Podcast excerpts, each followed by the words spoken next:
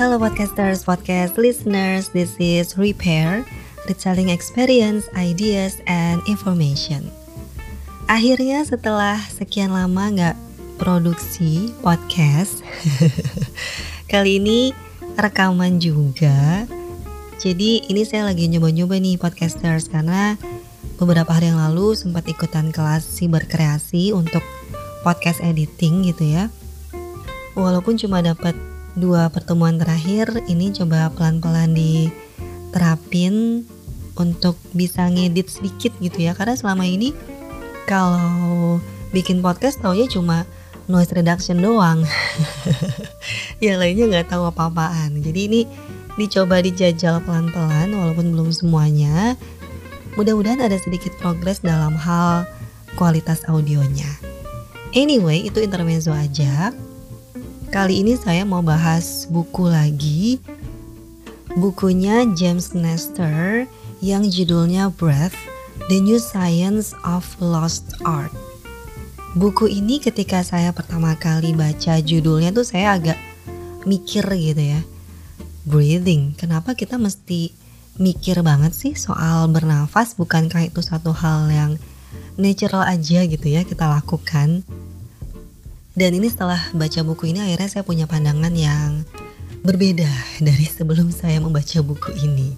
Kenapa breathing itu penting banget buat kita pikirin gitu ya? Karena di sini datanya disebutkan bahwa setiap hari itu kita bernafas sebanyak 25.000 kali. It's a huge number gitu ya. Jadi ketika lihat angkanya itu saya juga jadi kayak oh iya ya gitu. Jadi mungkin emang perlu cari tahu nih kita sebenarnya udah uh, breathing bener belum ya? Udah proper belum gitu. Jadi di buku ini diceritain gitu bahwa sebenarnya breathing itu jadi salah satu pillar of health gitu yang penting banget selain diet dan exercise. Diet ini bukan berarti diet diet ini ya maksudnya uh, apa-apa yang kita makan dan exercise. Dua hal ini menjadi apa namanya yang sering banget dibahas gitu ya ketika kita ngomongin kesehatan tapi when it comes to breathing itu tuh jarang banget dan sedikit banget yang dibahas gitu. Padahal sebenarnya sepenting itu. Jadi kalau misalnya kita makannya udah bener exercise udah rajin banget kalau breathing tekniknya nggak dibenerin itu sebenarnya banyak opportunity yang hilang juga. Jadi itu yang disampaikan juga di buku ini di sini juga diceritain banyak penyakit-penyakit yang sebenarnya root causesnya itu karena masalah di respiration problemnya gitu. Jadi salah satunya ada cerita tentang uh, satu penelitian gitu ya terhadap 900 orang yang menderita insomnia. Mereka ini dikasih obat antidepresan. Tapi ternyata setelah diteliti lagi, sebagian besar dari mereka itu punya breathing problem dan uh, sleep apnea. Sleep apnea ini gangguan tidur uh, yang dalam bentuk henti nafas selama beberapa detik gitu ya ketika tidur. Dan ini jadi jadi ganggu banget jadi kebangun-bangun jadi seperti tersedak begitu. Nah James Nestor ini dia adalah seorang science jurnalis yang yang nulis buku ini gitu ya. Jadi dia dia itu sempat punya masalah uh, breathing problem gitu ya terkait dengan penyakitnya bronkitis dan pneumonia gitu. Jadi dia emang lagi melakukan serangkaian menjalani gitu ya, serangkaian treatment dan salah satunya adalah dia lagi ngebenerin breathing tekniknya dia yang selama ini dia cenderung mouth breathing gitu selama ini. Dia mengawali dengan belajar dari uh, komunitas free diver gitu ya. Gimana sih cara mereka bisa hold breath selama itu dalam keadaan yang nyaman-nyaman aja gitu. Jadi dia belajar dari free diver sampai akhirnya dia bisa dan dia jadi free diver juga. Dan di situ dia ngerasain banget benefitnya gitu ya yang benar-benar dia bisa rasain banget dan akhirnya sejak saat itu dia jadi tertarik untuk meneliti lebih lanjut tentang breathing. Karena dia jurnalis, jadi dia menelitinya itu dengan dia ketemu dengan banyak expert, dia interview, dia cari baca banyak buku gitu ya. Akhirnya benernya yang ditulis di buku ini tuh hasil interview dia dengan banyak expert dan uh, buku-buku uh, yang dia udah baca gitu. Dan James Nestor ini dia juga ikut eksperimen di Stanford gitu ya bareng sama temennya namanya Anders Olsen. Anders Olsen ini dia juga bikin buku judulnya The Power of Breath. Jadi dua teman ini mengikuti 20 hari eksperimen di Stanford yang intinya untuk uh, ngebuktiin gitu bahwa mouth breathing ketika dilakukan itu bisa sangat harmful ke badan kita.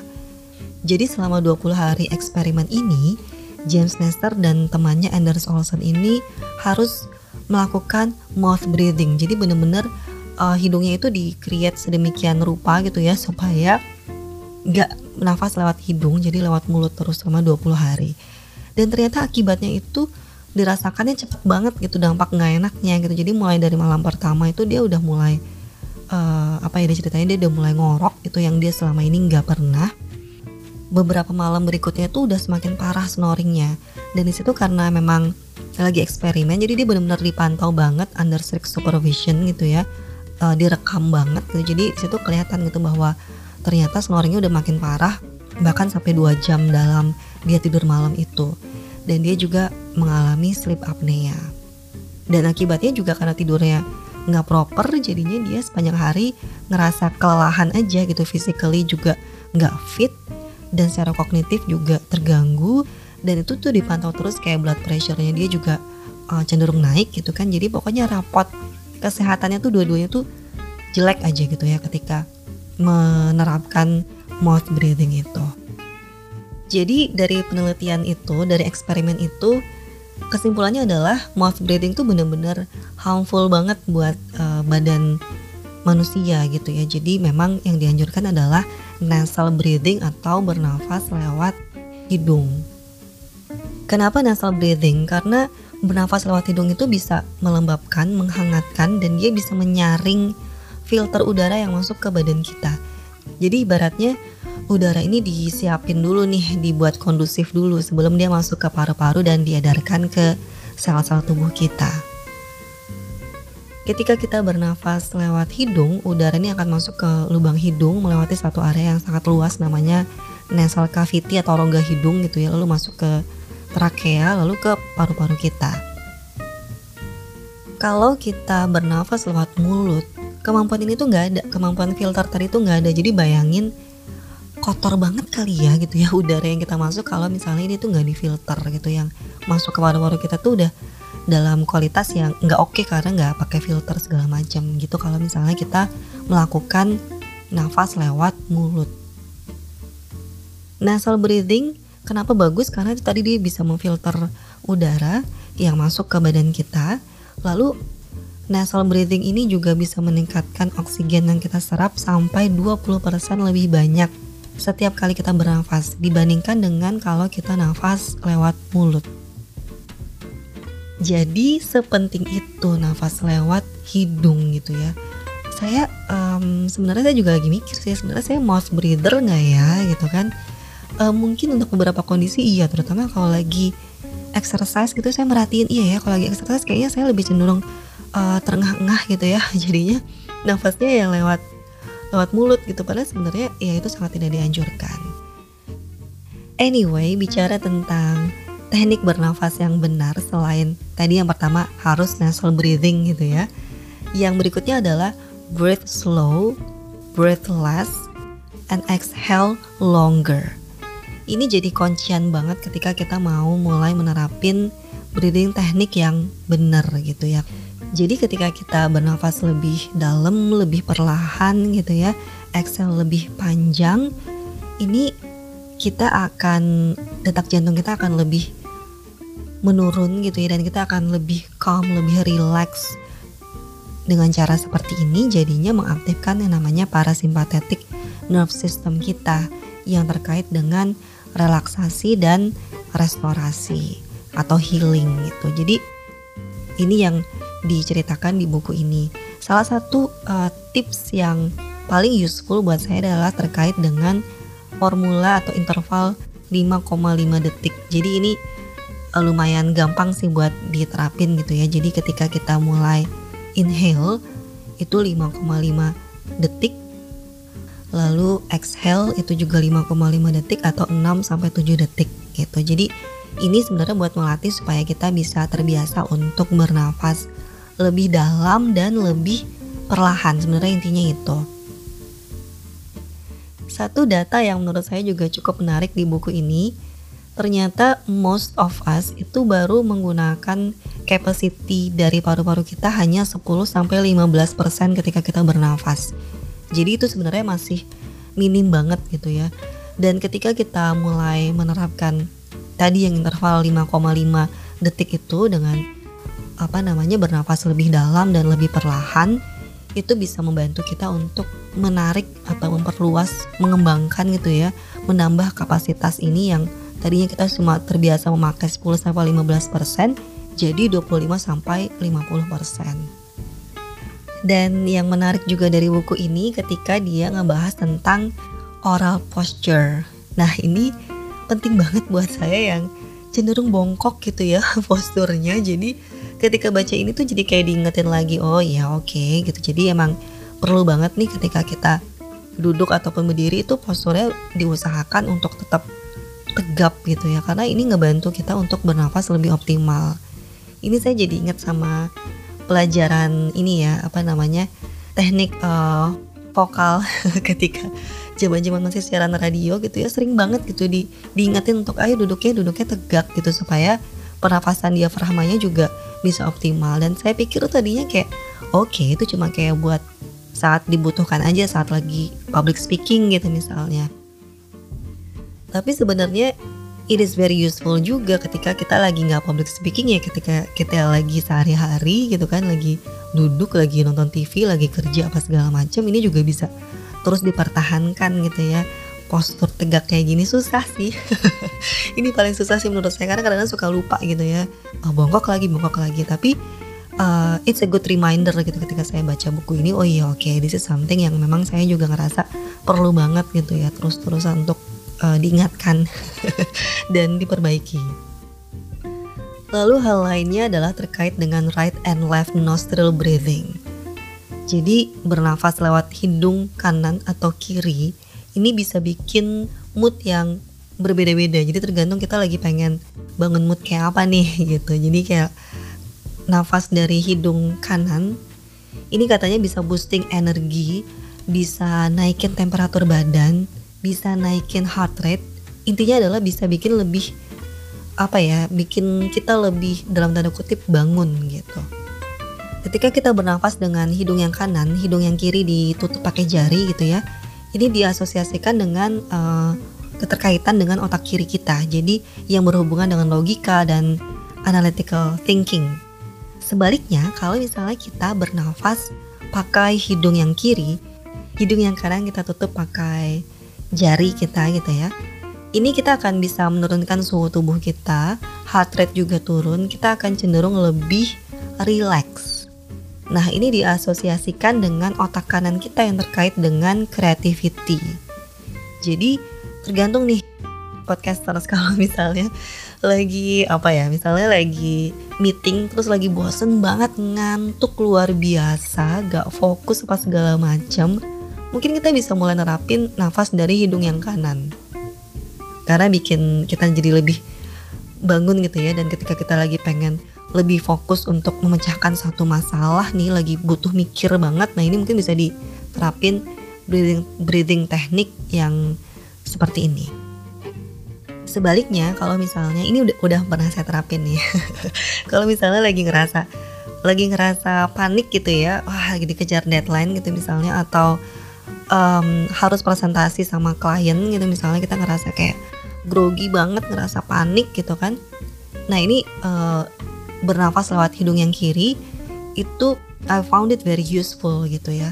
Saya ngerasa jadi lebih relax ngerasa jadi lebih tenang gitu ya. Lebih nggak gerasa gerusu lebih nggak nggak panikan gitu. Jadi saya nggak tahu sih tapi saya ngerasa latihan ini cukup membantu dalam hal feeling more relax itu kalau dari segi yang tadi nafas dari hidung kiri itu. Dan teknik ini sebenarnya nggak baru-baru banget gitu kan bahkan sudah cukup lama diterapkan gitu ya. Kalau dalam yoga itu ada namanya nadi sodana gitu ya. Jadi dia bernafas selang-seling jadi misalnya nih uh, kita bernafas lewat hidung yang kanan dulu nih kita inhale gitu ya. Pakai hidung yang kanan hidung yang kiri ditutup pakai jari. Terus exhale-nya pakai hidung yang kiri. Hidung yang kanan ditutup pakai jari gantian. Habis itu inhale pakai hidung yang kiri hidung kanan ditutup. Terus exhale-nya lewat hidung yang kanan hidung kiri yang ditutup. Jadi ganti-gantian kayak gitu selang-seling. Nah ini kalau di yoga ini jadi satu exercise untuk uh, supaya lebih relax untuk menyembuhkan anxiety, stres kayak gitu-gitu.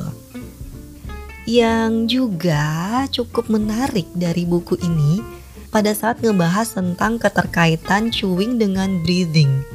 Ini seru banget sih ketika dia bahas bagian ini ya. Jadi uh, apa namanya James Nestor itu sempat ketemu dengan expert gitu ya yang memang mengkoleksi uh, apa namanya tengkorak-tengkorak tengkorak dari uh, zaman nenek moyang 400-500 tahun yang lalu gitu ya dibandingkan dengan uh, apa namanya tengkorak modern human.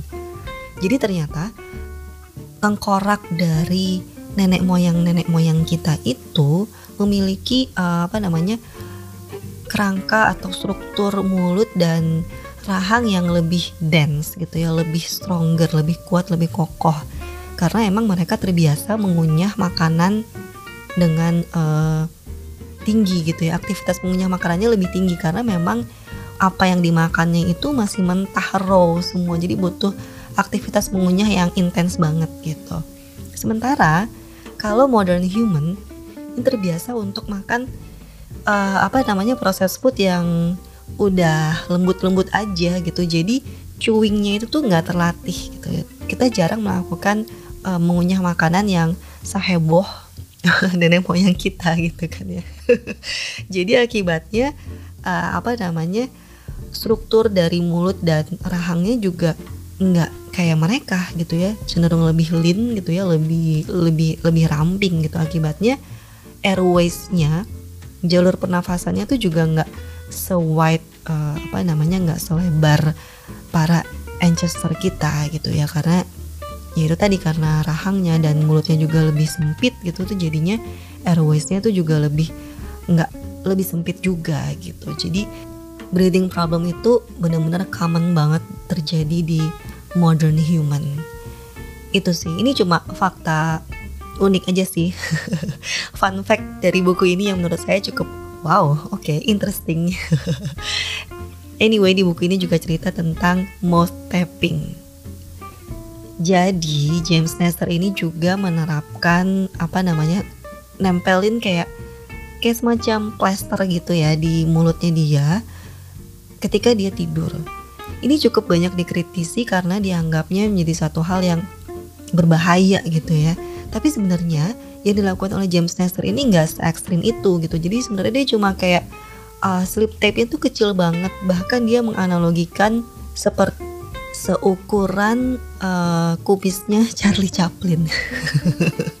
Jadi sekecil itu gitu slip tape-nya ditaruh di uh, mulut ketika tidur gitu kan. Uh, dan ini ketika ditempelin plaster itu dia masih bisa berbicara, dia masih bisa batuk. Dan ketika didorong pakai lidah itu juga sebenarnya slip tape-nya tuh bisa kebuka gitu. Jadi sebenarnya nggak se ekstrim itu, nggak semenekan itu gitu ya posisinya. Dia melakukan ini sebenarnya untuk ngebiasain diri aja gitu. Ketika tidur dia tetap menerapkan nasal breathing dan nggak pindah jadi mouth breathing gitu. Karena buat sebagian besar orang terutama mungkin yang punya masalah snoring gitu ya itu ketika dia mouth breathing ketika tidur gitu jadi ini sebenarnya sleep tape itu untuk membantu mengingatkan diri unconsciously gitu ya untuk bisa terus uh, nasal breathing ketika tidur. Tuh biasa saya belum pernah nerapin ini sih karena saya ngerasa belum butuh gitu ya. Saya tidak ada masalah dengan snoring gitu. Jadi I don't know, just uh, feel like kayaknya yang ini saya nggak perlu cobain deh. Tapi mungkin buat teman-teman yang ada masalah snoring, mungkin ini bisa dicoba-coba, bisa dilihat-lihat juga gitu ya efektivitasnya kayak gimana. Tapi kalau di buku ini di bagian akhir tuh banyak banget dijembrengin gitu ya tentang teknik-teknik breathing. Uh, James Nestor ini sangat generous gitu ya ngasih informasi dan link-link yang bisa kita refer gitu karena ngomongin breathing teknik mungkin kalau misalnya baca buku agak nggak enak gitu ya. Enakan juga nonton video mungkin lebih jelas gitu. Nah di sini banyak banget link-link yang dia kasih tentang uh, how to learn breathing teknik yang benar gitu. Yang selama ini saya terapin setelah saya baca buku ini sih sebenarnya interval 5,5 second itu tadi sih yang saya ngerasa uh, cukup mudah gitu ya buat diikuti sama yang tadi bernafas lewat uh, hidung yang kiri kalau lagi pengen relax. I found it very useful. Anyway dari buku ini sih uh, apa ya bisa dibilang efek yang saya rasakan saya jadi lebih aware tentang cara saya bernafas. Satu hal yang selama ini saya ngerasa saya nggak mikirin sama sekali bodoh amat gitu ya nafas nafas aja. Tapi setelah baca buku ini jadi lebih aware dan jadi lebih pengen mengkoreksi aja kalau ternyata saya ngerasa kayaknya nggak bener deh nih gitu. Oh iya ada satu hal yang saya juga pengen cerita dari buku ini tentang yang namanya uh, email apnea. Ini menarik sih terminologi yang uh, menarik menurut saya gitu ya karena tadi kalau apnea, sleep apnea itu kan gangguan tidur kalau tiba-tiba kita ngerasa terhenti nafas gitu ya ketika lagi tidur for few seconds jadi email apnea itu adalah ketika kita buka email terus tiba-tiba unconsciously kita holding our breath. Ini menjadi satu apa ya bentuk ekspresi stres kali ya ketika buka email terus lihat wah banyak banget deadline, wah ada request ina itu ina itu tiba-tiba unconsciously kita nahan nafas. Gara-gara tahu dari uh, James Nestor tentang email apnea ini, saya jadi merhatiin gitu ya ketika saya buka email kalau udah mulai nahan nafas tiga detik aja itu jadi kayak kepikiran gitu eh bentar bentar bentar balikin lagi balikin lagi mesti normalin lagi nih nafasnya jadi itu sih setelah baca buku ini jadi ngerasa lebih aware aja sama the way I breathe terus kayak pengen terus mengkoreksi aja sih untuk bisa pengen belajar lebih benar lagi tentang teknik bernafas. Mungkin itu yang bisa saya share di podcast kali ini. Mudah-mudahan ada faedahnya. Buat teman-teman yang pengen baca bukunya nanti saya juga tulis uh, judul lengkapnya di deskripsi di podcast ini atau bisa lihat juga di websitenya James Nestor itu juga ada tentang penjelasan breathing teknik juga. Terima kasih buat podcasters podcast listeners yang udah mampir di Repair. Take a good care of yourself Stay healthy semuanya. I'll see you soon in more episode in Repair.